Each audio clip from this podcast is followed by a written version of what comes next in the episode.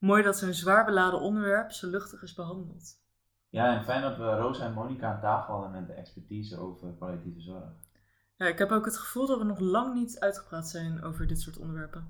Ja, precies. Dingen als rouw en verdriet hebben we misschien nog niet genoeg behandeld. Maar aan de andere kant, willen we zo lang in de hoek van de dood blijven zitten? Of doe ik nu juist zelf aan een dood doen? Hm. Goeie voor de podcast. Interessant. Ja. Veel luisterplezier. Zeker, veel luisterplezier. Deze podcast wordt gesponsord door het Landelijk Expertisecentrum Sterven. Het expertisecentrum is er om op grote schaal kennis, wijsheid en ervaring beschikbaar te maken. Om daarmee bij te dragen aan de kwaliteit van leven van iedere stervende, van naasten en van zorgprofessionals. Om beter leren omgaan met sterven maakt dat je beter nabij kunt zijn in het zicht van een naderende dood. Het centrum doet dat door inzicht te geven in de gelaagdheid van het stervensproces. Want sterven is niet alleen een fysiek proces, maar ook emotioneel, mentaal en spiritueel. Verlies van een dierbare wendt nooit en dat laat zien dat sterven ook een relationeel proces is. Bekijk een website op www.expertisecentrumsterven.nl voor meer informatie en concrete handreikingen. Ja, leuk dat je weer luistert. Welkom bij aflevering 4 van de verpleegkunde podcast Taboe doorgelezen. Ja, welkom!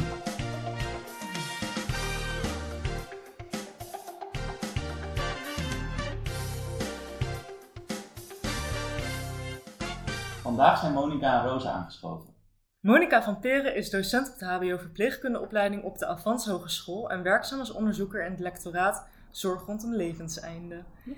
Heel toevallig hebben Monika en ik dezelfde jaar gestudeerd aan de Universiteit van Utrecht en hetzelfde jaar ook nog eens ons diploma verpleegwetenschap behaald. Leuk dat onze paden hier weer kruisen. Ja, zeker weten. Dankjewel. Ja, welkom. Dank je. In 2009 heb jij de opleiding voor verpleegkunde afgerond. Kun je wat meer vertellen over je carrièrepad van het moment van diplomeren tot nu? Ehm, ik ben in 2009 afgestudeerd aan de HBO Verpleegkunde bij Fontes in Eindhoven. Ik ben toen afgestudeerd op het gebied van functiedifferentiatie tussen de MBO en HBO verpleegkundigen in de ouderenzorg. Dat was toen een hot topic. HBO verpleegkundigen kwamen toen eigenlijk net pas werkzaam op de werkvloer in die ouderenzorg. En ik heb daar uh, gewerkt op een zorginnovatiecentrum. Dat was een afdeling voor mensen met dementie, ernstige dementie in de beginfase. Dus veel gedragsproblematiek, uh, diagnostiek deden wij. En we hadden daar heel veel studenten. En daar heb ik uh, vier jaar gewerkt als verpleegkundige. En daar ontzettend veel studenten opgeleid. En toen merkte ik eigenlijk dat ik het wel leuk vond om studenten ja, op te leiden, om kennis over te dragen. Dus toen ben ik lecture practitioner geworden. En uh, dat is een functie van een docent die werkzaam is in de praktijk, maar daarnaast ook uh, op school, dus bij Fontes. En ja, dat beviel mij eigenlijk zo goed dat ik zo ben doorgerold. Uiteindelijk dus sinds 2016 in de, op school werkte. En tussendoor heb ik nog een paar jaar gewerkt in de hospicezorg. Dus echt, ja, toen kwam mijn passie voor palliatieve zorg. Dat vond ik ontzettend leuk om te doen. En um, ja, eigenlijk vanaf toen ben ik docent geworden bij de Fontes heb daar ook drie jaar gewerkt als docent en werk sinds 2019 bij Avans Hogeschool. En nu ben ik afgelopen jaar in november begonnen als onderzoeker bij het lectoraat. Dat ik op die manier mijn uh, passie voor palliatieve zorg kan combineren met onderzoek doen, zonder dat ik direct onderzoek moet gaan doen in een PhD-track. Want dat past gewoon nu op dit moment niet in mijn leven. Ik ben net moeder en dat vind ik eigenlijk nu op dit moment gewoon het meest belangrijke. Ja, wel wat een mooi carrièrepad. Ja, wat langer dan uh, dat ik eigenlijk zou willen toegeven. Maar... en hoe zo lang te gaan. ja, inderdaad. En hoe vind je het nu om docent verpleegkunde te zijn? Want daar zit dan ook wel een aanloop naartoe. Dat je eigenlijk al wat langer dacht van nou, ik wil wel echt dat lesgeefvak in. Ja, ja. Nou weet je, ik vind het ontzettend mooi om jonge verpleegkundige, jonge meiden die dan bij ons binnenkomen over het algemeen, om die enthousiast te maken voor het verpleegkundig vak. Ik heb daar ontzettend veel affiniteit mee. Ondanks dat ik nu al een paar jaar niet meer aan het bed sta, vind ik nog steeds wel een van de meest mooie beroepen die er zijn.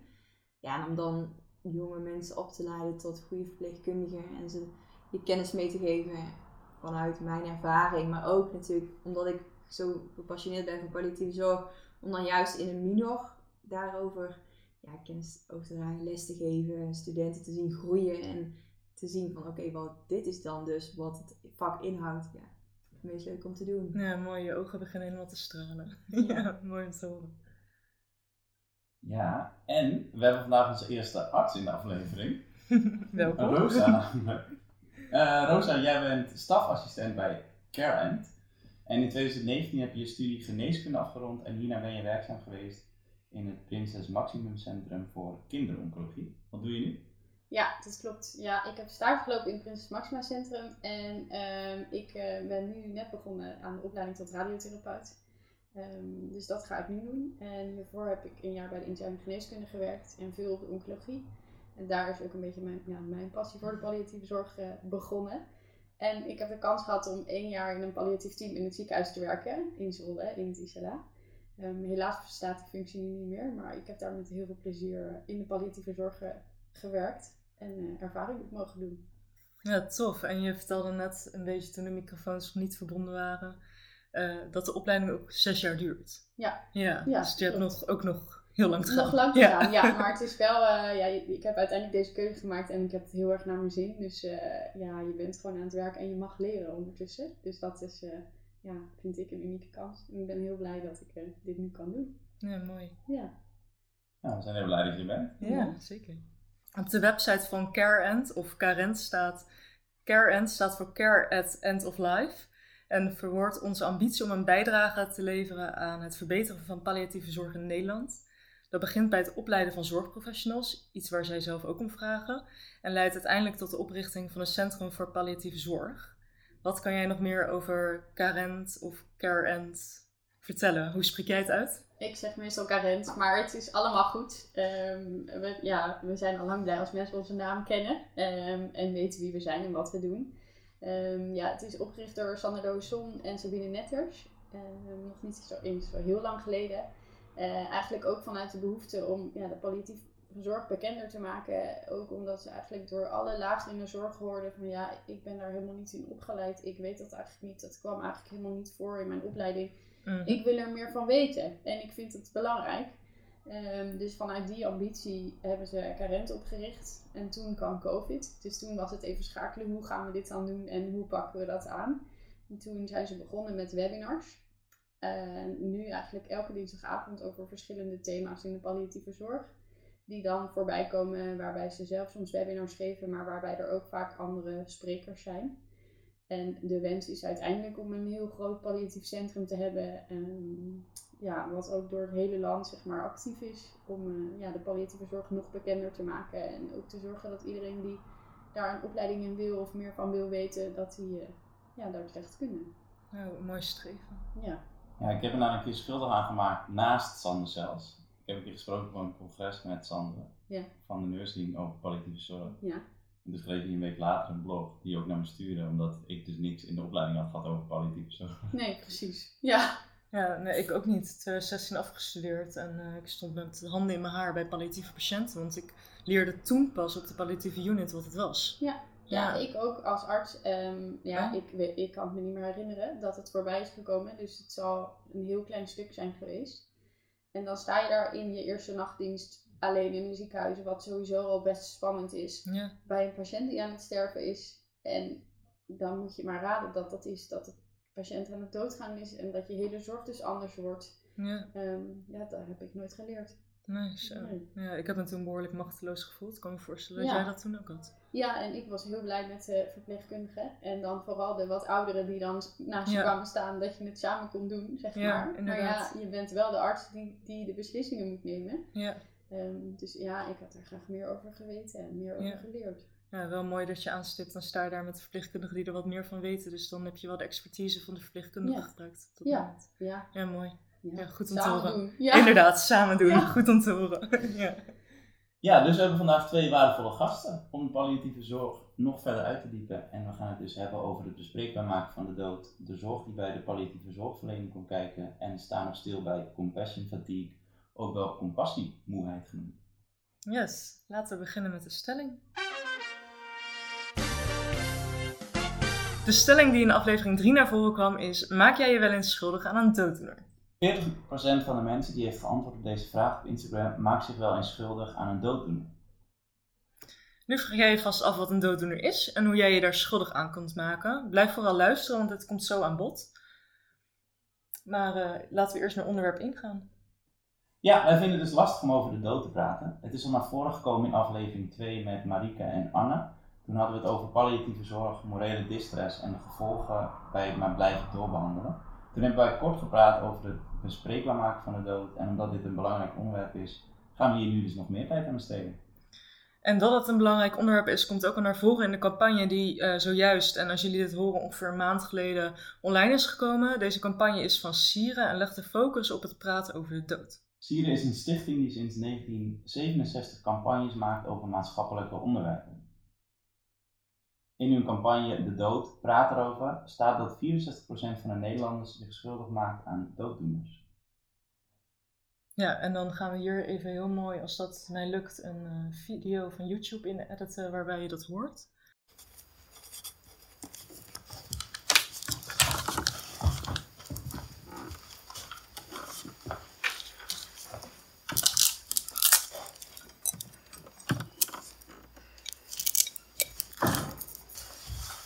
Mam, Oh, hi. wat doe jij nou? Nou, ik, ik- ik ben er vast wat eh, spulletjes aan het verdelen. En ik dacht, dit... eh, Doe eens niet zo raar. Jij gaat nog lang niet dood. Hey, weet je wie ik net tegenkwam? Hoe heet ze nou, met al die katten? Nou, wat een oude hoer, joh. Heel verhaal over de ex en over de buren. Staat daar met al die boodschappen op. En dan denk ik, mens, dat voel je toch aan? Wat vinden jullie ervan, dooddoeners? Nou, weet je, iedereen maakt zich schuldig aan dooddoeners. En het zijn natuurlijk clichés en het zijn niet voor niks clichés. En wat... Je doet het en dat is prima. Je mag een opmerking maken, maar wat mensen vaak doen is zo'n dooddoener zeggen. Van, oh, het is, een mooi leven geweest. Of ze waren op, het was een mooie leeftijd. En dan houdt het gesprek op. En dat is heel jammer, want juist in die palliatieve zorg, ehm, in die fase daarvoor, zou het juist mooi zijn als we wat dieper in gesprek zouden gaan. Ja. Mooi hoe je dat zegt. Dus je hebt eigenlijk van ja, de dooddoener quote aan zich, die kan je wel stellen. Maar het gaat er meer om hoe je er daarna mee omgaat. Dus het kan wel eens een keer zo zijn dat iets niet helemaal eh, uit je mond komt zoals je het wilde. Dat soms, het kwam rot mijn strot uit. Maar dan gaat het er meer om of je daarna er nog verder over in gesprek gaat. Ja, dat denk ik wel. Je, je kunt niet voorkomen dat je soms opmerkingen maakt waarvan je denkt, ah, dat is iets minder handig. Nee, zeker niet. Nee, mooi. Knap dat je het zo menselijk benadert. Jij, Rosa? Ja, ik heb mezelf ook wel eens betrapt op dooddoeners. Ehm, maar dan denk ik inderdaad, als je een mooi gesprek hebt, dan kan, dan kan dat ook wel. En dan, ja, dan heb je een connectie op een ander level. En dan kan je ook doorpraten daarover. En dan ja, sla je jezelf voor je kop dat je weer zo'n opmerking hebt gemaakt. Ehm, maar het gaat denk ik inderdaad wel om wat erachter zit en wat er omheen zit. En hoe verder het gesprek gaat. En Ja. ehm, ja, inderdaad, als je ervoor open staat om een uitgebreider gesprek te voeren, dan hoor ik mezelf ook wel eens een dooddoener zeggen die dan daarna eigenlijk alweer vergeten wordt. Doordat je er verder op praat en ja, vragen stelt of verder luistert. Heb jij je wel schuldig gemaakt aan een dooddoener, Thomas? Elke dag denk ik. Ja. Nee, joh, dat natuurlijk ehm, in mijn werk als verpleegkundige. Ja. Ja, ik denk het wel. Nou ja, ik weet eigenlijk zeker van wel. Ik zou niet meer weten wanneer. Aan de andere kant kan ik me ook wel de situaties herinneren waarin ik gewoon zei van, je gaat wel gewoon dood. Omdat ik dan merkte dat de patiënt dat heel erg deed. En dan dacht ik, ja, dit is niet wat we nodig hebben. dit dat je het omgekeerd meemaakt. Ja, Ja, en wat deed je dan? Gewoon zeggen, je, je gaat ja dood? ik of- zei, u gaat dood. Wat vindt u ervan? Oh, jeetje. Ja, maar misschien op dat moment wel wat die patiënt nodig had om te beseffen waar de patiënt op dat moment stond. Ja, soms wel, soms niet. Ja, Sommige mensen leven ook een soort, ja, dat is misschien een beetje raar uitspraak, maar leven van dooddoeners in hun hele leven. ja. En die, die bespreken dus nooit dit soort dingen en die komen nooit tot kwetsbaarheid. nee. Nee. En hoe werd erop gereageerd? Ja, wisselend. Sommige patiënten die zeiden, ja, ik ga inderdaad dood, maar ik weet niet hoe ik me erbij voel, bijvoorbeeld door er wel een gesprek werd. Ja. En sommige mensen zeiden, ja, ik vind er volgens mij niet zoveel van. Ja. Of ik wilde liever niet over nadenken. Ja, Die herken ik ook wel. Ja. of patiënten die zeiden, ja, dat is voor mijn naasten, die kunnen erover bepalen. ja. Ik heb bij mijn naaste eh, sinds de campagne van Sieren wat meer geprobeerd om erover te praten. En dan merk je ook wel dat sommigen gewoon op slot slaan. Gewoon staan goed in het leven, gezond. Maar als je dan praat over een eventuele begrafenis en hoe je dingen moet regelen, dan wordt het gesprek in één keer heel zwaar. Mhm. Ja. Ja, dat herken ik wel hoor. En Ja. dan ook gewoon omdat wij, ja, wij aan, het, aan het bed staan of hebben gestaan en, en ook jonge mensen zien overlijden, dat, ja, dat een leeftijd niet eens heel veel zegt soms. Weet je, sommige mensen overlijden ook heel vroeg. En dan, eh, ja, ik merk dat bijvoorbeeld bij mijn ouders. Die, eh, ik snij af en toe dit onderwerp aan. Maar die vinden het ook heel lastig om hierover te praten. Terwijl het mij heel Ja. veel rust zou geven om wel een keer dat gesprek te voeren. Ja, Ehm, of uit te spreken, we gaan het hier niet over hebben. Dat is ook oké. maar in ieder geval iets daarover uit te spreken. ja, want op het moment dat die eh, begrafenis er eventueel zou zijn, wat we natuurlijk hopen zo lang mogelijk uit te stellen, Dat vooropgesteld. Ja. dan is het natuurlijk wel zo dat jij het liefste de begrafenis zo regelt zoals zij dat zouden willen. Maar als zij daar niet over kunnen praten, is dat misschien ook wel. Ja, ja, dus uiteindelijk nu die seriecampagne die heeft geholpen, zeg maar. En ook dat ik het wel al vaker heb gezegd. Ja. Ehm, dus uiteindelijk hebben we er nu een mooi gesprek over gevoerd. En ik merk dat dat heel prettig is. En eh, dat eigenlijk iedereen dat wel prettig vindt. Dat het toch bespreekbaar is. Omdat het wel iets is wat ooit een keer gaat gebeuren. Ja. En hoe ben je erop gekomen om uiteindelijk wel dat gesprek te kunnen voeren? Nou, ik, had, ik probeer dit al een paar jaar. En nu kwamen ze er zelf mee. Dus ik denk Oh. dat het voor hun nu een moment was. Ook na een overlijden van iemand die zij heel goed kenden. Waarvan ze zeiden, ja, we hopen dat wij zo niet gaan overlijden. Dus dat Ja. was eigenlijk een soort schrikbeeld van zo willen we het niet. Hoe kunnen we daar dan, wat kunnen we daaraan doen, zeg maar. Ja. En ze wisten dat ze bij jou terecht konden. Ja. Ja, Ja. mooi. Ja, daar kan ik mooi op inhaken met een weetje van de website van Sieren. 1 op de drie mensen praat namelijk nooit over de dood. Terwijl dit gesprek je leven kan verrijken, zoals je zegt, en mensen dichter bij elkaar brengt. En 45% geeft aan dat een gesprek over de dood waardevol is en rust geeft. Ja, stel het gesprek daarom niet uit. Ja, en verder staat er nog, rouwenden zijn meer gebaat bij begrip dan bij een oplossing. Ken jij het, Monika, dat rouwenden meer gebaat zijn bij begrip dan bij een oplossing? Ja, zeker. Mensen in de rouw, ehm, die hebben geen behoefte aan een oplossing voor hun situatie. Die willen vooral iemand die gewoon naar ze luistert, die even er is. Hè. Dat, nabijheid is vaak veel belangrijker dan aangeven van, goh, hè, maar het wordt weer beter. Of over een tijdje, tijd hield alle wonden, ook zo'n mooie Ja. dooddoener. En wat ik merkte was dat mensen gewoon wilden weten van hé, mijn verdriet mag er zijn. En het mag er ook zo lang zijn als dat ik daar ja, behoefte aan heb of daar last van heb. Mooi. En bij jou, Rosa? Ja, ik merk, ik merk ook dat oplossingen, ja, die zijn er eigenlijk niet. Ik zou ze ook niet kunnen bedenken, ook omdat ik het, ja, je kan je nooit in de situatie verplaatsen dat je überhaupt weet wat een oplossing kan zijn. Want het is voor iedereen heel persoonlijk hoe, hoe ze rouwen, wanneer ze rouwen en hoe ze door dat proces gaan. Ehm, ja, dus ik, ik ben er altijd. In het ziekenhuis probeer ik er te zijn, ook als, als dokter, ja, om daar toch ook ruimte voor te hebben. Maar oplossingen, ja, ik zou, ik zou het niet weten. Dat is voor iedereen zo persoonlijk, dat kan je Ja. denk ik niet invullen. De dood is natuurlijk onomkeerbaar. Hè? Dus je kunt oplossen wat je wilt, maar Nee. het, de oorzaak van het verdriet, van de rouw, gaat niet weg. Dus probeer om dat, in dat opzicht gewoon er voor iemand te zijn. Dat is veel belangrijker. En rouw begint natuurlijk niet alleen maar bij de dood, maar ook al op het moment dat mensen slecht nieuws krijgen. Mhm. Ja. En dat de behandeling niet meer mogelijk is of genezing niet meer mogelijk is. Of soms wel bij het feit dat ze een diagnose krijgen. Jazeker. Ja. Ja. We hadden op Carent ook gelezen dat eh, we praten over de dood uitstellen tot het laatste moment. Terwijl het op elke leeftijd zinvol is om erover te praten. Dat is eigenlijk net waar we net over praten. De dood komt tenslotte vaak onverwachts. Dat is eigenlijk precies wat jij net zei.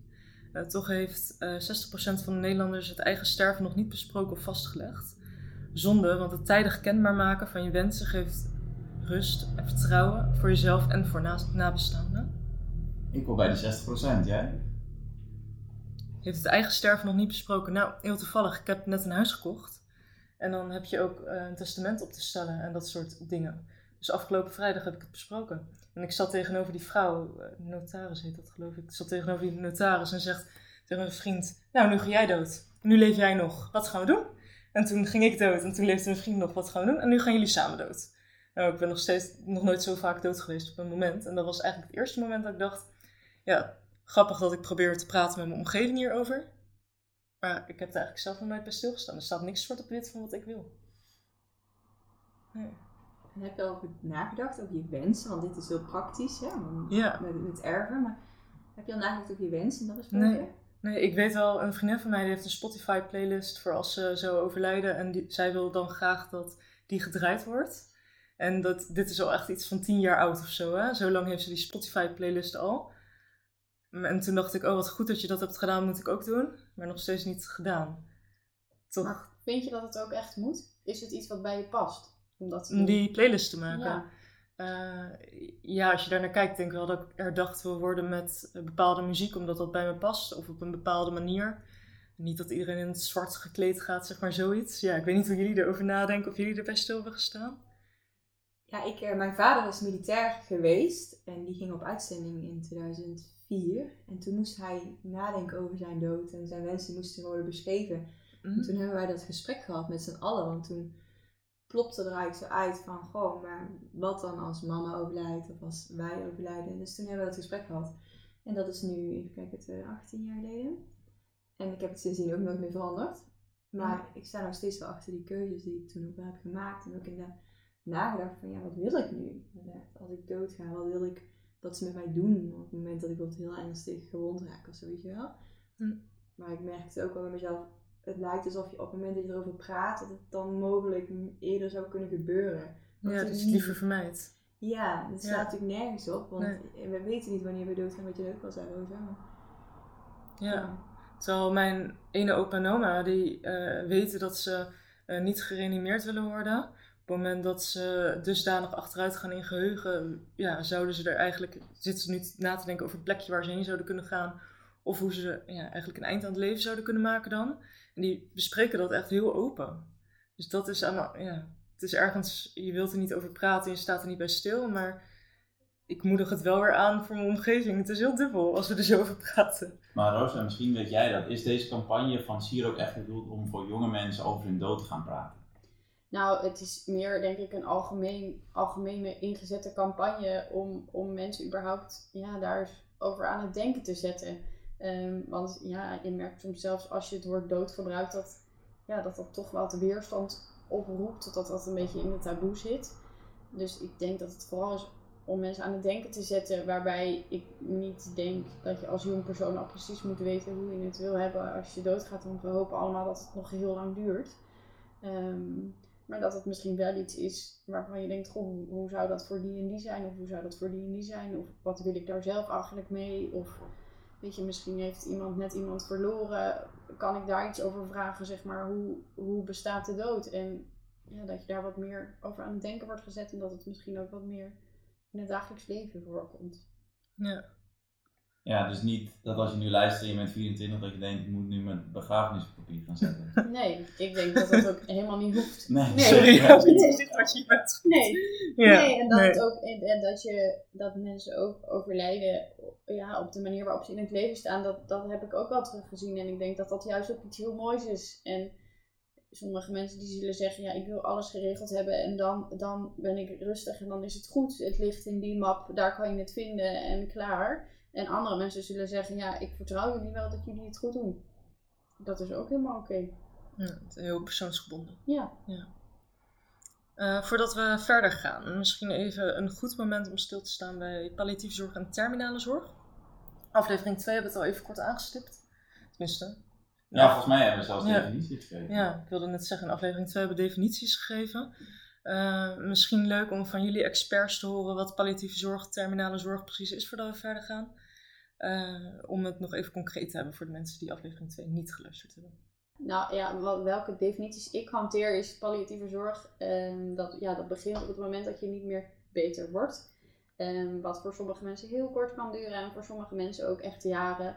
Ehm, bij bijvoorbeeld ja, metabole ziektes of stofwisselingsziektes. Ja, als je het moment dat je dat krijgt, weet je dat de kans heel groot is dat je daaraan gaat overlijden. Dus dan kan het heel lang duren. En sommige mensen krijgen een hartaanval en die zijn er nog eventjes. Ja, die zijn dan ook palliatief. Dus dat wisselt heel erg. En terminale fase, ehm, ja, dat is echt het laatste stukje. Maar we merken dat het vrij lastig is om echt dat laatste stukje goed te markeren en goed te herkennen. Ehm, dus ik denk dat de palliatieve fase het grootste is. En dan aan het eind is de stervensfase. Ja. Volgens mij is er ergens wel een definitie dat de terminale fase drie maanden is. Maar Maximaal drie Ja. maanden. ga dat Ja. maar eens zeggen Ja, Dat, eh, dat is nee. heel ingewikkeld. En wat, wat ik soms wel zeg als patiënten vragen van, goh, hoe lang heb ik nog? Dat je soms wel ziet als, als mensen in maanden achteruit gaat, dat je dan in maanden kan denken. Als mensen in weken achteruit gaat, dat je in weken kan denken. En als iemand echt in dagen heel erg achteruit gaat, dat je dan in dagen kan denken. Oh ja. Maar dat is ook niet zwart op wit één op één te zetten. Maar ik vind dat wel een mooie, ja, een mooie gedachte die denk ik wel klopt. Ja, Ja, volgens mij hebben we het al de hele tijd over de dood. Dus ik denk dat we het gewoon zo noemen. ja. laten we het beestje maar gewoon bij de naam noemen dan. Op eh, Instagram gaven mensen aan dat ze ook wel het hebben over het einde, levenseinde, is veel genoemd. De laatste levensfase, eh, de kwantiteit en kwaliteit van het leven, de dood, eh, geleerd om er niet omheen te draaien, staat daarbij. En de woorden overnemen van de persoon met wie zij dit bespreken. En de reactie die dit allemaal nog aanvult is het overlijden, heengaan, rust gevonden, gaan hemelen. Maar dit ligt ook aan de situatie. Gaf iemand als laatste gaan. Ja, Hoe, wat benoemen jullie? Denk de dood, aangezien we er nu ook zo over praten? Of... Ja, maar ik zeg dat niet tegen iedereen. Want sommige, bij sommige mensen heb je zo'n gesprek dat ik denk, als ik nu dood zeg, dan is het hele gesprek dood. Dan valt het hele gesprek stil en dan is dat een te grote ja, inbreuk eigenlijk op het gesprek wat er is. Ehm, ik, be- ik probeer het wel altijd een, te benoemen. Dus bijvoorbeeld ja, het levenseinde gebruik ik ook wel eens, of het overlijden of het sterven. Ehm, sommige mensen hebben het zelf over het laatste stukje, dan sluit ik daar ook bij aan. En bij sommige mensen noem ik het wel dood. Ja, voor mij is de dood niet een eng woord, maar ik kan me wel voorstellen dat dat voor sommige mensen wel zo is. Dus ik probeer dat wel af te stemmen Ja. met wie je dan praat. Maar ik denk dat jullie dat ook wel herkennen. Ja, zeker. Voor heel veel mensen is de dood heel beladen. Dus Ja. dan om het gesprek toch op gang te krijgen. Precies. Ja. Ja. En jij, Monika? Nou ja, de dood is meestal natuurlijk ook echt het moment dat de ademhaling en het hart natuurlijk stopt. En het levenseinde is natuurlijk wat, wat breder. En dat is een langer proces. En het is inderdaad afhankelijk van wat mensen aangaven en wat, welke terminologie zij gebruikten, dat ik daar een beetje bij aansloot. Want wat Rosa zegt klopt. Op het moment dat jij met de deur in huis valt en zegt van nou, we zullen het eens gaan hebben over de dood of uw dood. Ja, dan kan dat voor mensen natuurlijk ontzettend confronterend zijn op het moment dat ze daar zelf niet aan toe zijn. Nee? Ja, wat ik, wat ik wel heel mooi vond toen ik in het palliatief team werkte, dan ben je dus, dan stelde ik me soms voor als Rosa en soms dat ik arts was in het palliatief team, dat wisselde ook een beetje. Maar ik had wel altijd de tijd. Dus ik ging dan zitten aan zo'n bed en dan zei ik soms, goh, hoe is het nou eigenlijk? En eigenlijk als je gewoon zat en luisterde, dan kreeg je al zoveel informatie. En dan merkte je ook dat, dat van patiënten uit zichzelf over het levenseinde en waar ze bang voor waren, eigenlijk allemaal al gingen vertellen. Zonder dat ik daar dan heel gericht aan vroeg. Maar blijkbaar liggen die mensen toch in hun bed daarover na te denken. En ben jij dan degene die de tijd heeft, die ook niet komt om te wassen of pillen uit te delen of te vertellen wat de scanuitslag is, maar gewoon iemand met tijd. Dat mensen daar eigenlijk uit zichzelf al over spraken. Dat Ja. vond ik wel heel bijzonder. En ik denk ook omgekeerd dat ze doorhebben dat je de tijd hebt. Ja, Want als verpleegkundige kan je wel naast het bed zitten, maar ze hebben, patiënten hebben vaak door hoe druk je het ook hebt. Dus voelen ze zich ergens bezwaard om het. precies. Ja. Dat vond ik wel heel mooi. Dat je toch merkt dat, dat, dat veel mensen daar uit zichzelf toch wel een soort behoefte aan hebben. Ja, Om dat wel te noemen. ja mooi. Ja. Wat maakt het voor jullie zo waardevol om de naderende dood te bespreken met de patiënt, cliënt, bewoner en naaste? ja, ik, ik, ik had natuurlijk in het palliatief team ook wel de rol ehm, om, om daar de ruimte voor te hebben. Ehm, ik merk nu dat ik het wat minder doe, ook omdat ja, veel mensen genezen ook bij ons. Of sommige mensen die komen echt voor een specifiek probleem en dan doe je het wel minder. Ehm, maar ja, ik had echt de mooiste gesprekken met die mensen. Het ging over hun leven, hoe ze in het leven stonden.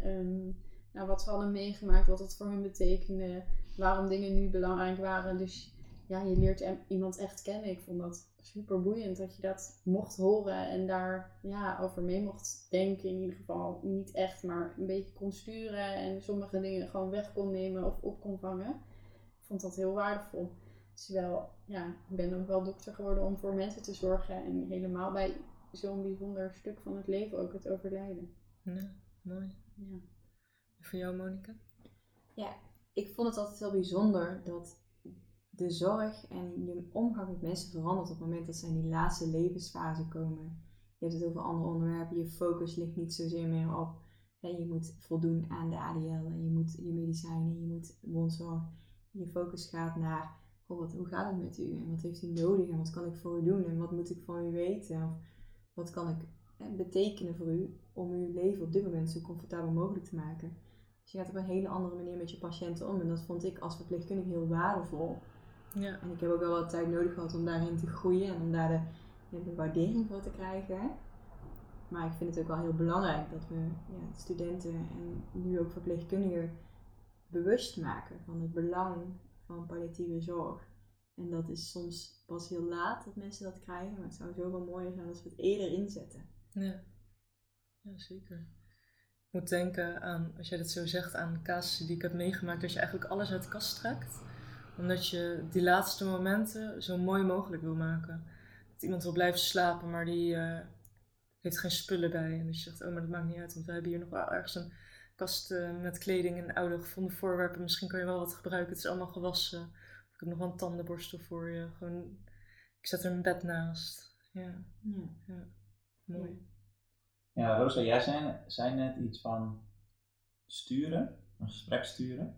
Heb je bepaalde handvaten gekregen in je opleiding? Of Nee. misschien nu je bij Care werkt? Nee, ik heb, nee, ik heb tijdens mijn opleiding geen handvaat gekregen. Nu, eh, ja, nu hebben we dus webinars over verschillende thema's. Bijvoorbeeld, nou ja, laatst was er een webinar over palliatieve zorg en de verslavingszorg. Eh, waarbij de verslavingsarts, die ook kaderarts palliatieve zorg is, eerst een stukje palliatieve zorg vertelde, toen een stukje verslavingszorg. En dan ook aan de hand van casussen en blogs ehm, dingen deelde. En ook wat zij dan had teruggekregen van haar cliënten. Hoe die, hoe die reageerden en wat die prettig vonden. Dus nu proberen we wel aan de hand van persoonlijke verhalen ehm, ja, handvaten te geven. Ik denk wel dat het ook iets heel persoonlijks is hoe je, hoe je in de palliatieve zorg staat. En dat je ja, jezelf als persoon ook helemaal heel erg meeneemt. Dus dat het voor iedereen anders is hoe je daarmee omgaat. Ehm, maar ik vind het altijd wel heel inspirerend om, om, om blogs en persoonlijke verhalen te lezen. En te denken, oh, dat is zo gedaan of die heeft dat zo gedaan. En zo, zo ging dat en zo landde dat. Dat is voor mij wel heel inspirerend. Maar echt handvaten van doe het zo en doe het zo en dit is hoe het moet. Ja, dat heb ik nooit gehad. Is er eigenlijk wetenschappelijke literatuur over? Over wat precies? Over het aangaan van het gesprek en hoe je mensen begeleidt bij de dood? Er zijn wel, ja. er is wel, er is vanuit de palliatieve organisaties is er wel veel, zijn er ah ja, handreikingen, handvaten ehm, over specifieke onderwerpen, maar ook in het algemeen. Ehm, wat ik soms in consult gebruikte was een ja, soort sympt- symptoomdagboek wat ik dan aan mensen gaf eh, van tevoren. En dan konden ze dat invullen en dan kwamen ze op de poli en dan kon je ja, zien wat voor hun belangrijk was en waar ze het over wilden hebben. Dus het was bijvoorbeeld ik ben de hele dag moe, ik heb geen trek, ik ben misselijk, dat soort dingen. Maar ook, ehm, ik heb vragen over pijnstilling, of ik heb vragen over het levenseinde, of ik heb vragen over weet ik het wat. En dan vulde zij dat in en dan kon, kon je aan de hand daarvan het gesprek voeren. Ehm, dat is er wel, ja, er is een heleboel. Ik denk soms dat er meer is dan wat wij allemaal weten aan handvaten. En ehm, ja, ik kies altijd waar ik me prettig bij voel, zeg maar. Wat ik een fijn handvat vind om te gebruiken. En jij, Monica? Ja, ik ken het Utrecht symptoomdagboek inderdaad. Dat is een manier waarop je ehm, vooral in gesprek kunt gaan over de symptomen waar mensen last van hebben. Dus ik geef les in de minor eh, palliatieve zorg op Avans. En het eerste wat studenten ook altijd zeggen is van, joh, juffrouw, ik wil heel graag weten hoe ik met iemand in gesprek moet gaan die doodgaat. En er is geen, eh, geen methodiek die je kunt gebruiken die in elk gesprek werkt. Het is vooral luisteren, kwetsbaar opstellen en aangeven van oh, als je niet weet hoe te reageren, geef dat aan. Of laat die patiënt vooral zijn verhaal doen. En je hebt ook de methodiek palliatief redeneren. Die is voor verpleegkundigen wel mogelijk heel behulpzaam om ja, je focus te verleggen van het beter maken of het behandelen naar oké, hoe kan ik palliatieve zorg verlenen. Daarin de focus wordt dan veel meer verlegd naar die vier domeinen van palliatieve zorg. Maar echt een handvat of een ja, één one size fits all is er niet om het gesprek aan te gaan met mensen. Nee. En hoe komen de studenten dan bij je terug als ze het hebben geprobeerd? Nou ja, studenten geven wel aan van, ze vinden het heel spannend, vooral als je student bent is het natuurlijk heel spannend om je kwetsbaar op te stellen. Maar als ze het dan een keer hebben geprobeerd, bijvoorbeeld bij een patiënt waar ze zich heel erg op hun gemak bij voelen, of waar ze wat vaker mee hebben gesproken, de opdrachten die wij geven, die passen daar ook heel erg bij. En dan merk je dat ze het wel heel waardevol vinden. En ook ja, een gesprek hebben wat jij net ook aangaf, Rosa, over het leven, over hoe mensen erin staan, over de dingen die zij op dit moment belangrijk vinden, die mogelijk helemaal niet zoveel te maken hebben met ja, wat wij belangrijk vinden als verpleegkundigen, zoals wisselligging. Nee joh. Het voorkomen van, se- van complicaties. Die- vragenlijst invullen? Nee. Nee joh, dat, dat interesseert ze niet meer. Nee, nee. Ik eh, vertelde net al even dat ik stage had gelopen op de palliatieve unit. En eh, ik wilde altijd eigenlijk al een wereldreis maken. En juist doordat ik daar heb stage gelopen, heb ik die knoop doorgehakt. Ik dacht van ja, ik moet dit gewoon doen. Want voor je het weet, het leven is eindig. Je moet de dingen doen in, in het leven die je wilt doen. Ja, juist daardoor heb ik eigenlijk, ja, dan zie je dat die kleine dingen die doen er niet toe, zeg maar, op dat moment. Het is, ja, hoe, hoe zeg je dat goed? Het zijn, nou, misschien de kleine dingen doen er je wel toe op Ja. dat moment. De grote dingen doen er niet toe. Het zijn de ervaringen die je meemaakt in het leven. En niet hoeveel uur je hebt gewerkt voor een baan. Nee, hoe groot je huis is of hoe mooi je auto is. Ja, Dat, ja. inderdaad, precies. Wat ook wel een van die nou, dankbaarheidsmomenten is, zeg maar, dat je bijvoorbeeld dankbaar bent over je dag. Dat ik af en toe denk, nou, vandaag was wel een mooie dag om dood te gaan. Wat heel gek klinkt. En het is een beetje, ja, contra-intuïtief. Maar dat ik denk, oh ja, ik heb vandaag echt goed geleefd. Dus dat, dat ik soms s'avonds Ja. denk, oh ja, ja, vandaag is een goede dag om dood te gaan. Juist, ik wil dat helemaal niet, juist niet op die dag. Maar wel dat ik denk, oh ja, goede dag. Ik heb er veel uitgehaald. Ja, Ja, maar zo kan je ook gewoon dankbaar zijn, toch? Ja, Zelf schrijf ik ook elk, nou ja, bijna elke dag op waar, drie dingen op waar ik dankbaar voor ben Ja. aan het einde van de dag. ja, wel mooi. ja. goed initiatief. Ja, zeker. Ja. Ik wil iedereen aanraden. Ja. Ja, ja, ik doe dat ook. Ja. Ja? Ja. Wat knap van. Ik Ja? heb het nog nooit gedaan. ja, het is een beetje, je hebt een beetje discipline nodig, maar Ja. je kan echt je dankbaarheid trainen ermee. Ja. Ik schrijf soms, ja, ik doe dit ook 's ochtends. Dan schrijf ik op wat ik die dag niet ga doen. Dus bijvoorbeeld piekeren, twee dingen tegelijk. Dat staat vaak op mijn lijstje. Maar ook waar ik bewust van ga genieten die dag. Hm. Dat is deze week en vorige week. Dat de zon elke ochtend opkomt en dat je dat kan zien en dat het niet regent. Nou, ik vind Mhm. dat heerlijk. En dan Ja. zie je het ook elke ochtend. Ja. Dan sta je erbij stil in plaats Ja. dat je geleefd wordt. Precies. Ja, mooi. Ja, bewust leven in plaats van inderdaad geleefd worden of Ja. het leven maar leiden. Ja. Ja. Mooi. Ja. ja, zelf gebruik ik in mijn coaching heel vaak het boek van Bonnie Ware. Het zei. Ik weet even niet hoe het in het Nederlands heet, maar in het Engels heet het de Top 5 Regrets of the Dying. En zij heeft dus een top 5 opgesteld. Ze werkt in een hospice en één is dus, ik zou willen dat ik mijn leven had geleid op mijn eigen manier. In plaats van wat andere mensen van me verwachten. Nummer 2 is, ik zou willen dat ik niet zo hard had gewerkt. Nummer 3 is, had ik mijn gevoelens maar geuit. Nummer 4 is, had ik maar meer tijd aan mijn vrienden besteed. En nummer 5 is, had ik mezelf maar toegestaan om gelukkiger te zijn. Zo. Dat komt binnen. Ja. Ja. Dat is ook waarom ik het zo vaak gebruik. Ja. Ja. En wij hadden nog wel een vraag voor jullie, ook vanuit Instagram. In hoeverre moet je, in hoeverre moet je hoop geven of juist weer realistisch blijven? Waar ligt die balans? Ik denk dat ik jullie antwoord al een beetje weet dat het patiëntgebonden gaat zijn, maar ja. Klopt. Ja. Ja, dat is zo. Ehm, weet je, je moet altijd aansluiten bij wat jij inschat dat de patiënt behoefte heeft. Jij kunt wel zeggen van, goh, uw levens, de, de dokter heeft gezegd dat de levensverwachting nu op weken zit. Maar als iemand daar nog niet mee bezig is, wat wil je dan daarmee bereiken? Dus het is altijd inderdaad aansluiten bij die patiënt. Maar ik ben ook wel van mening dat het niet eh, moreel verantwoord is om hoop te geven wanneer dit die niet is. Maar dan dus te gaan zoeken van, maar wat wilt u dan wel in de tijd dat u rest? Of wat zou u nog graag willen? Of wat vindt u nu belangrijk? Dus dat je veel meer gaat zitten op die en normen en veel minder op de eindigheid. Ja, mooi. Ja, en ik vraag ook wel, hangt ook wel van het gesprek af, maar soms aan mensen van, goh, stel nou dat u morgen al overlijdt. Zijn er dan dingen waar, die u nog gedaan had willen hebben of nog moet doen of moet regelen? En dan krijg je soms een antwoord en dan zeg ik, nou, dan zou ik dat gaan doen. En de rest, dat komt wel. Ja. En dat zijn soms praktische dingen en soms is het, eh, ja, nee, ik wil nog tegen, die, tegen mijn buurman zeggen dat hij altijd zo'n goede buurman is geweest Ja. dat soort dingen. Dus dat wisselt ook heel erg. Maar dan, ja, dan probeer ik daar toch een beetje in te sturen soms. Ik weet het ook niet wanneer iemand precies overlijdt. Of soms dat je merkt dat bijvoorbeeld kinderen dan aan mij vragen van, goh, maar hij moet dit en dit en dit allemaal nog regelen. Dat ik zeg, oh ja, oké, nou, dan zou ik maar eens beginnen. Zeg maar. Of, ja, je weet het natuurlijk nooit. Maar Dat je wel een noodzak. soms Dat wel, soms wel en soms niet. Soms is het ook goed zoals het gaat. Ja. Ja. We hebben op Instagram ook navraag gedaan om te kijken hoe mensen tegen de dood aankijken. Sommigen laten weten dat het lastig is om te bespreken met relatief jonge patiënten, omdat zij vaak nog alles uit leven willen halen. Ik zie heel veel herkenning op jullie gezichten. En anderen geven aan dat zij zich hier machteloos en hulpeloos bij voelen en veel geven zelf ook aan de angst te hebben voor de dood en sommigen zijn er juist nieuwsgierig naar. Ja.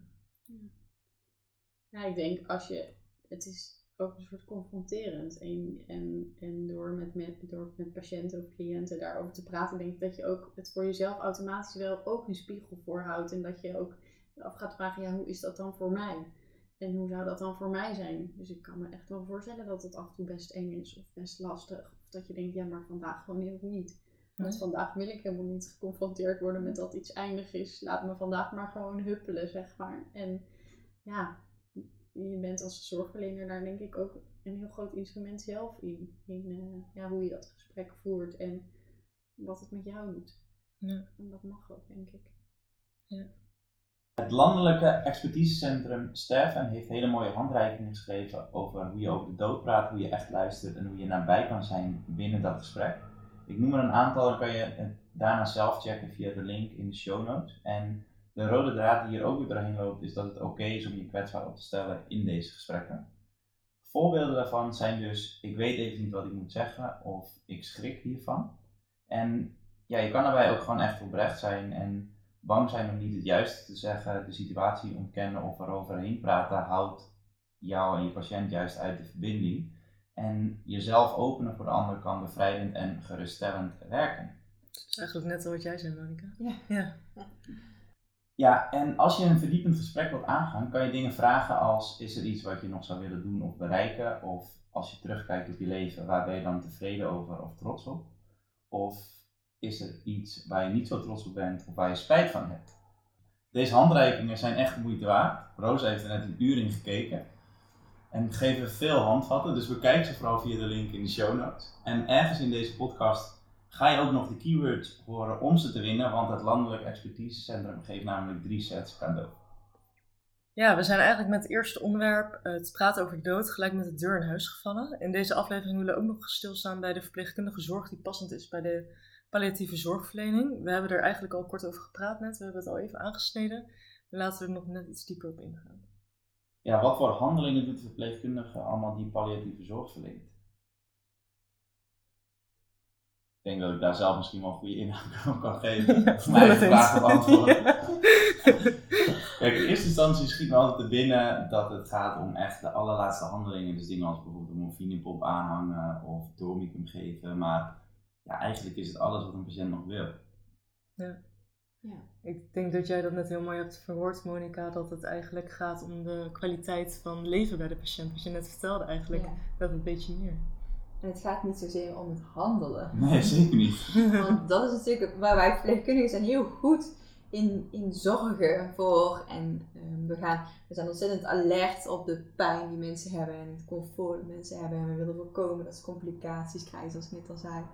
Maar bij palliatieve zorg gaat het eigenlijk veel meer over andere zaken. Er zijn eigenlijk vier domeinen die van belang zijn. Het lichamelijke, dat is het handelen en dat is ontzettend belangrijk. Maar daarnaast moet je ook heel veel aandacht hebben, juist die laatste levensfase, voor de spiritualiteit, de existen- existentiële vragen die mensen nog hebben, eh, de psychische problemen die zij mogelijk hebben. Je kunt je voorstellen dat mensen bang kunnen worden, angst kunnen ervaren in zo'n laatste levensfase. En ook ehm, de naaste. Dus dat je daarin heel veel aandacht hebt. En daar verschuift denk ik in de palliatieve zorg je aandacht naartoe. Dus dat je naast het domein voor die lichamelijke zorg ook echt aandacht hebt voor die psychische zorg, spiritualiteit, levensvragen en eh, sociale vragen, dus de naaste. Nou, hele menselijke zorg. Ja. Mooi. En je hebt nog een casus, toch, Thomas? Ja, die heb ik zeker. Ja. Ik moet ook meteen denken, ik heb een keer een blog geschreven voor, in eerste instantie voor mezelf, maar dit is ook op nursing geplaatst. En dat, dat is dus KS1 en dat was best wel een jonge man met kinderen en eh, ja, hij had kanker. Nou ja, hij was echt knalgeel. Maar ik hing dus de morfinepomp aan en volgens mij omschreef ik dat toen in mijn blog als dat ik palliatieve sedatie was gestart of zo, terwijl het helemaal niet was. Maar zo weinig wist ik er dus zelf nog van. En toen Ja. kreeg ik echt een enorme rant Oh, mijn echt? Ja, maar mensen, ja, dat is niet zo. En ik dacht alleen maar, ja, oké, nou ja, dat is inderdaad niet zo, maar zo Weer weinig wist ik dus van. Ja. ja. Dus nou ja, dat is casus 1 en casus 2, daar heb ik ook een, ja, ook toevallig een blog over geschreven. Dat was echt op de corona-unit. En dat was een echtpaar en die waren allebei aan het doodgaan. En eh, die man was eerst overleden en ze lagen echt met hun handen in elkaar. En dat was in de nacht. Ehm, en toen op een gegeven moment was die man, die was dus overleden en toen hadden we eigenlijk net een morfinepomp aangehangen bij die vrouw. En toen zei de arts dus tegen haar van ja, die man is overleden en het enige wat, nou, ze was zo kordanig met me, nou het enige wat ze me kon zeggen was dat is mooi. Ja. Ja, en dat is echt heel, eh, heel intens. Ja, wow. Maar mooi dat ze de dood kon accepteren. Ja. Een man Ja. voordat zij zelf dan zal overlijden. Ik neem aan Ja. dat zij kort na hem is Ja, overleden. ze- ik heb haar de volgende nacht niet meer gezien. Ja. Ja. En dan is denk ik ook als ze dat zo kan zeggen ook weer in rust overleden. Ja. Ja. Nou, Ja. dat hoop ik, weet ik niet. In ieder geval in rust met de gedachte dat de man is overleden. Want ze zal de man wel hartstikke hebben zien lijden als dat de antwoord Ja, is. zeker. Ja. Ja. Ik heb meerdere casussen die mij altijd zullen bijblijven. Van studentverpleegkunde tot de casus van het afgelopen jaar. En ik denk wat mooi is om te vertellen is een casus van eh, mijn studententijd. Die me toen ik de ja, podcastaflevering voorbereidde heel erg bij was gebleven. Waar ik eigenlijk alleen maar aan moest denken. En dat was een heel hechte familie. Eh, een vrouw eh, die borstkanker had en aan het overlijden was. En haar dochters die eigenlijk om en om continu bij haar aan het waken waren. Waarbij ik het zo mooi vond om te zien hoe hecht die familie was. En ja, gewoon dat gevoel wat je dan hebt als je die kamer binnenstapt. Het is echt bizar dat je van de, van de hal zeg maar, in de kamer komt en je voelt gewoon die verbondenheid. Ja, dus zo mooi. Ja. Ik weet niet of jullie verhalen hebben waarvan je denkt, nou, dit, nu schiet me wat te binnen. En Ja, ik heb ook soms dat je als iemand gaat overlijden met de familie, maar soms ook van bijvoorbeeld voor een euthanasie met de patiënten zelf, dat ik echt de grootste lol heb. Gewoon echt nog hard aan het lachen bent en ook met die familie. En dat sommige mensen dan vragen, oh mogen we wel lachen? Dat ik dan zeg, ik zeg, ik denk dat ze het heel prettig vinden dat we ook lachen. En nou ja, dat, dat de eerste keer dat dat gebeurt, voelt dat voor jezelf ook een beetje ongemakkelijk. Maar uiteindelijk ja, is het ook wel iets heel moois dat dat gebeurt en dat je ja, verhalen hoort en lacht over dingen die dan degene die aan het sterven is, heeft gedaan of heeft meegemaakt. Dat vind ik altijd wel heel mooi. Dat het Ja. ook, ja, daar, dat dat ook gewoon kan. ja, zeker. Wat voor mij eh, het meest bijgebleven is, waren de momenten, nou eigenlijk de overlijdens die niet gingen zoals je dan verwachtte van tevoren. Ik had over het algemeen wel verwachte overlijdens. Dus mensen waarvan we wisten dat ze achteruit gingen, die terminaal werden, die refractaire symptomen kregen. Ehm, en dat dan inderdaad zo'n familie komt en ja, dat er dan in één keer toch verbondenheid is. Op het moment waar je dat van tevoren miste, dat mensen elkaar niet wilden zien of dat families toch gebroken te zijn, maar dat juist dat moment, net voordat die patiënt ging overlijden, dat dan ja, er toch weer samenhorigheid was en dat, dat je de rust zag ontstaan bij die vader in deze situatie van oh het is goed zo. Dus, eh, Mooi. ik kan nu gaan. En dat je ook daadwerkelijk dat lijf, die spanning voor een deel eruit zag glijden. En Ja. ja, dat zijn wel de momenten waarbij je denkt, van, oh, Ja, dit, is, dit is wel waar het leven eigenlijk uiteindelijk om draait. Ja, we moeten niet zoveel ruzie maken. Nergens goed voor. Nee. Zonde. Ja, mooi die verbondenheid dan. Ja, maar ja, wat jij straks ook zei, het zijn de kleine dingen die het er eigenlijk toe doen. Ja, Maar vaak op het moment dat we worden geconfronteerd met het, met het leven en dat het eindigt, ja, dan blijken al die dingen die ooit zo belangrijk waren, er niet meer toe te doen. nee. Ja, mooi. Bedankt dat jullie je verhalen zo eh, mooi hebben gedeeld. Eh, laten we doorgaan naar het laatste onderwerp. eh, compassion fatigue. Ook wel compassie moeheid genoemd. Ja, in aflevering 2 hebben we het al gehad over die compassievermoeidheid. Wat vaak naar voren kwam is dat veel studentverpleegkundigen het moeilijk vinden om palliatieve zorg te verlenen, maar zodra de verpleegkundige meer ervaring krijgt met de palliatieve zorgverlening, wordt het werken hiermee ook makkelijker. Wat uiteindelijk ertoe kan leiden dat je geen compassie meer voelt, ook wel medeleven. Hoe kijken jullie hier tegenaan? Nou ja, ik, ik denk dat, ehm, dat alles wel went als verpleegkundige. Dus de eerste keer dat je iemand eh, ziet overlijden is natuurlijk heftiger dan wanneer het de vijfde of de tiende keer is. En dat dat niet direct hetzelfde is als de compassievermoeidheid waar je het nu over hebt. Maar dat als het te vaak gebeurt, dat het ook lastig is. Want we, we trainen studenten of we zeggen tegen studenten en tegen elkaar dat we ons niet persoonlijk betrokken moeten laten zijn. Of dat het ons persoonlijk niet mag raken. Maar dat, zo werkt het natuurlijk niet echt in het leven. Je hebt ten eerste denk ik niet heel veel keus over wat je raakt of niet. Nee. En dat het ook, ja, je bent een mens en je ziet een ander mens sterven. hè, En dat, dat doet iets met je. En als het te vaak gebeurt, dan kan ik me zomaar voorstellen dat je jezelf ook gaat beschermen. En dat het inderdaad, ja, je, je bent niet, je kunt niet oneindig veel medeleven hebben. En ja, het is jammer dat we ook soms van elkaar verwachten dat we maar doorgaan.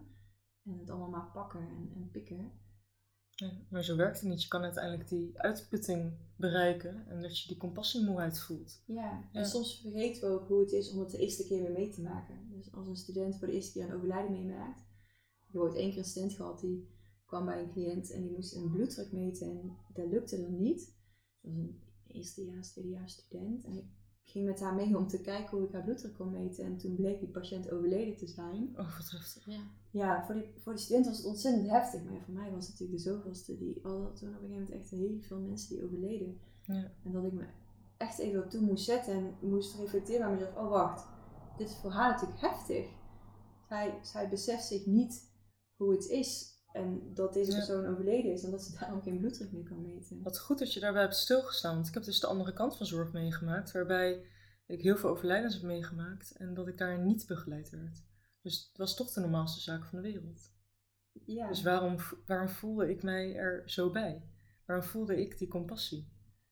Ja, dus fijn dat je ja, heel erg menselijk bent geweest bij die student. Want dat is wel wat je op dat moment nodig hebt. ja. ja, ik herken de situatie wel als student hoor. Dus ik denk dat dat me Oh, ook ja. wel heeft gevormd. Ja, Ehm, toen ik eenmaal gediplomeerd verpleegkundige was en dat ik juist daarin heel erg alert was. Omdat ik wilde voorkomen dat ik eh, ja, mijn gevoel niet werd geho- ge- gehoord.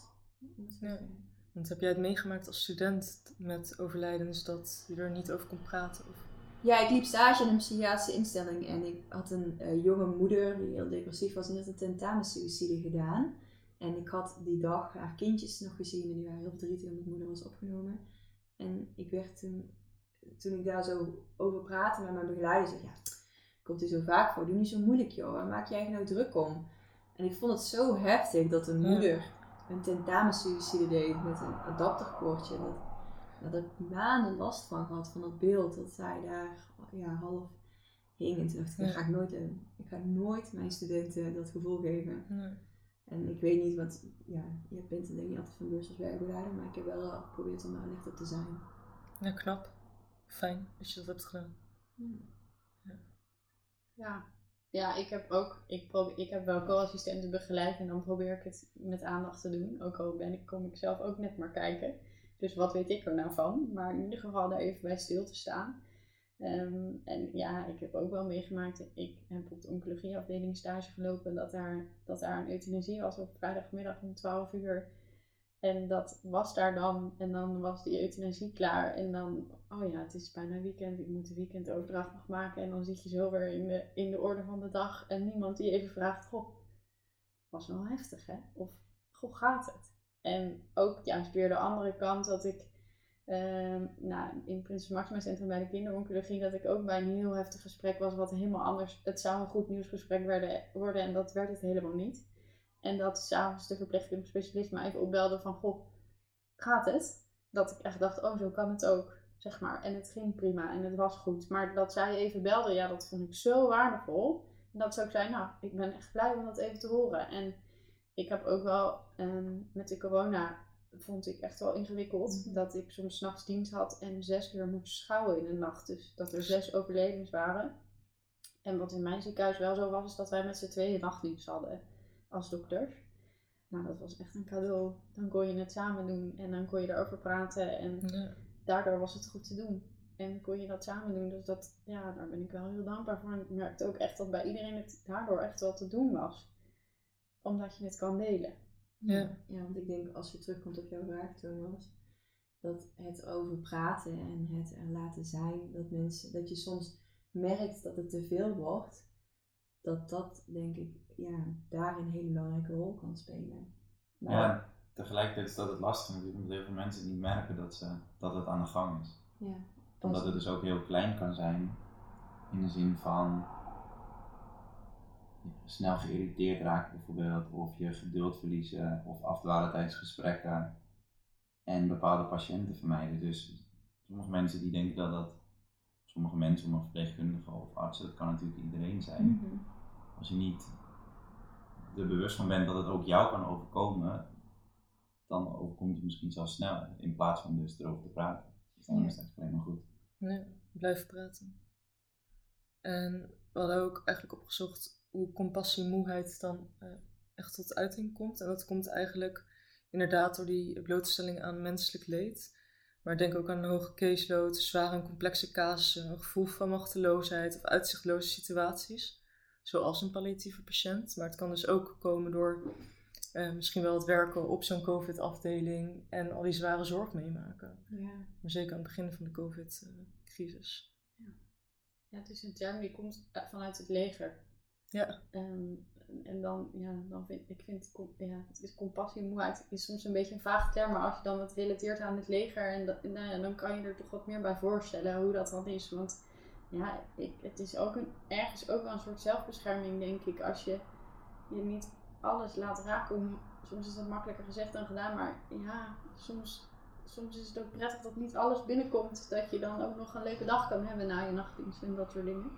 Ja, het is ook een dunne grens natuurlijk, want Ja. ja. je wilt ook niet dat je volledig altijd maar open staat voor alles en iedereen qua gevoelens en emoties. Precies. Ja.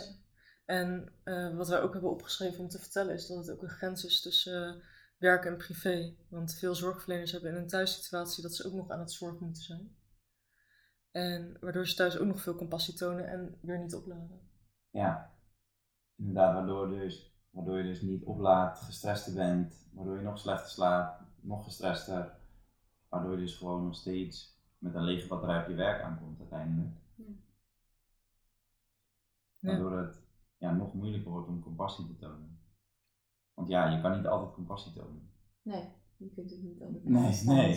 netjes. Nee. Ja, dat is zo. Dat is hartstikke normaal. Ja. Ja. En daarom vonden we het eigenlijk zo goed om dit ook nog even in de podcast te benoemen. Omdat hier, dit ligt eigenlijk ook op de taboesfeer. Aan de ene, Ja. ene kant het bespreken als student, beginnend verpleegkundige of verpleegkundige die al langer aan het werk is, hoe je collega's zeg maar, met compassie moeheid reageren. Aan de andere kant het eh, herkennen bij jezelf en er wat mee doen. En aan de andere kant het continu misschien wel niet kunnen opladen en vermoeid op je werk kunnen komen. Dus heel veel taboesferen hier. Ja, en misschien ook het taboe dat je als hulpverlener niet altijd maar medeleven kunt hebben en empathie kunt hebben, maar dat je soms ook even afstand mag nemen omdat het, omdat het je te veel wordt. Ja. Ja, en sterker nog, dat je soms ook gewoon boos mag zijn als zorgverlener Ja. over bepaalde dingen. Dat je niet altijd maar lief en aardig hoeft te zijn. Ja. Dat dingen je ook mogen raken en dat je ja, soms dingen gewoon heel erg vervelend vindt om het maar zo goed mogelijk uit te drukken voor deze Ja. podcast. Ja. Ja, en ik denk dat in het verlengde daarvan ook staat dat je gewoon emotie mag hebben, ook bij het bed. Dus woede, huilen. Ja, ik heb vaak zat gedaan. Ja, Ja. ja. denk ik ook. Ja, en dat is ook een beetje taboe, hè? Dat je zelf je eigen emoties laat zien bij een patiënt Mhm. of een cliënt. Want we vinden eigenlijk dat dat niet mag, dat het niet kan. Maar het is aan de andere kant ook heel menselijk. En soms vinden die, men, vinden die anderen het ook prettig, omdat het toont dat, hè, dat je ziet dat die persoon bijvoorbeeld lijdt. Of Ja. dat je medeleven Je hebt. krijgt juist connectie meestal daardoor. Ja. Tenminste, dat ervaarde ik ze, ervoer ik ze. Ja, Ja. ja inderdaad. Ja, dat is denk ik ook het mooie dat je soms gewoon zegt van ik weet het ook gewoon even niet. Of het wordt me op dit moment ook te veel, of ik weet gewoon niet wat ik moet zeggen. Ja. Of ik heb dit nog niet meegemaakt eerder. Of het even, gewoon even stil zijn. Ja, dat kan ook Ook inderdaad. er zijn voor die ander Ja. in plaats van ja, vertellen, zeggen. Precies. Ja, Het juiste wil zeggen. Maar dat is ook denk ik iets wat in de verpleegkundige aard zit. Het altijd maar iets willen oplossen of iets ervoor doen. En soms is het ook prima om even stil te zijn. Ja. Ja. ja, want ik denk ook, weet je, we hebben het nu over het sterven en dan over de morfine en de midazolam. En wij als witte jassen in het ziekenhuis of in een zorginstelling, er gaan ook heel veel mensen dood zonder dat er Mhm. middelen worden gegeven. Die overlijden gewoon thuis rustig. En dat vergeet je soms ook, dat je Ja, ook heel Ja. simpel kan sterven, om het maar even zo te noemen. Ehm, Ja. ja, en dan, doen, dan, doen we, dan doet er ook niemand iets medisch inhoudelijks, maar die zijn er gewoon en dan is het ook goed. ja. Zullen we hem afsluiten? Ja, dat is wel mooi om af te sluiten. Denk ik Ja. dat je dus ook ja, op een normale manier de zaakjes dood kan gaan. Ja. In plaats van dat het in het ziekenhuis gebeurt of dat er altijd een palliatief team bij betrokken is. Ja. En dan ook als afsluiter eh, wilden we eigenlijk nog aan jullie meedelen dat alle verpleegkundigen risico eigenlijk lopen op die compassievermoeidheid. Preventie van compassievermoeidheid wordt bereikt door grenzen op te stellen, zelfzorgmaatregelen, zelfbewustzijn en scholing hierover op zowel individueel als op organisatieniveau. Ja, en dit houdt ook zeker verband met stress en burn-out. En ja, ik denk dat wij verpleegkundigen ook best wel hard kunnen zijn voor onszelf, maar misschien ook wel voor anderen. En ja, ik kan me ook heel goed voorstellen dat je, als je nu luistert, dat je dat gevoel al had als student of misschien als verpleegkundige. Dus daarom denk ik ook dat het extra goed is dat we aandacht hieraan besteed hebben in deze podcast. Ja, zeker. Dus dit was het alweer. Heel erg bedankt voor het luisteren. We zouden het enorm waarderen als jij onze socials in de gaten houdt. Hier halen wij namelijk een heleboel informatie uit op en bespreken wij de podcast. En daarnaast verloten dus ook hartstikke leuke dingen en interessante dingen. Eh, Thomas is thomasgroen.nl. En Mike kan je volgen op Mike van Sassa. Ja, fijn dat je de aflevering helemaal hebt afgeluisterd. Heb je nog tips, vragen? Dan mag je ons altijd mailen op podcasttaboedoorbreken.gmail.com In de volgende aflevering bespreken we vrageninstellingen. Heb je een vraag of wil je nog reageren op een eerdere stelling? Doe dat dan vooral en dan mag je dus ook weer mailen naar podcast.boerdoorbreken.gmail.com Ja, deze aflevering werd dus gesponsord door het Landelijk Expertisecentrum Sterven. Wil je kans maken op een van de handreikingen? Mail dan naar ons e-mailadres hoe jij de dood omschrijft met de boodschap dat je kans zult maken.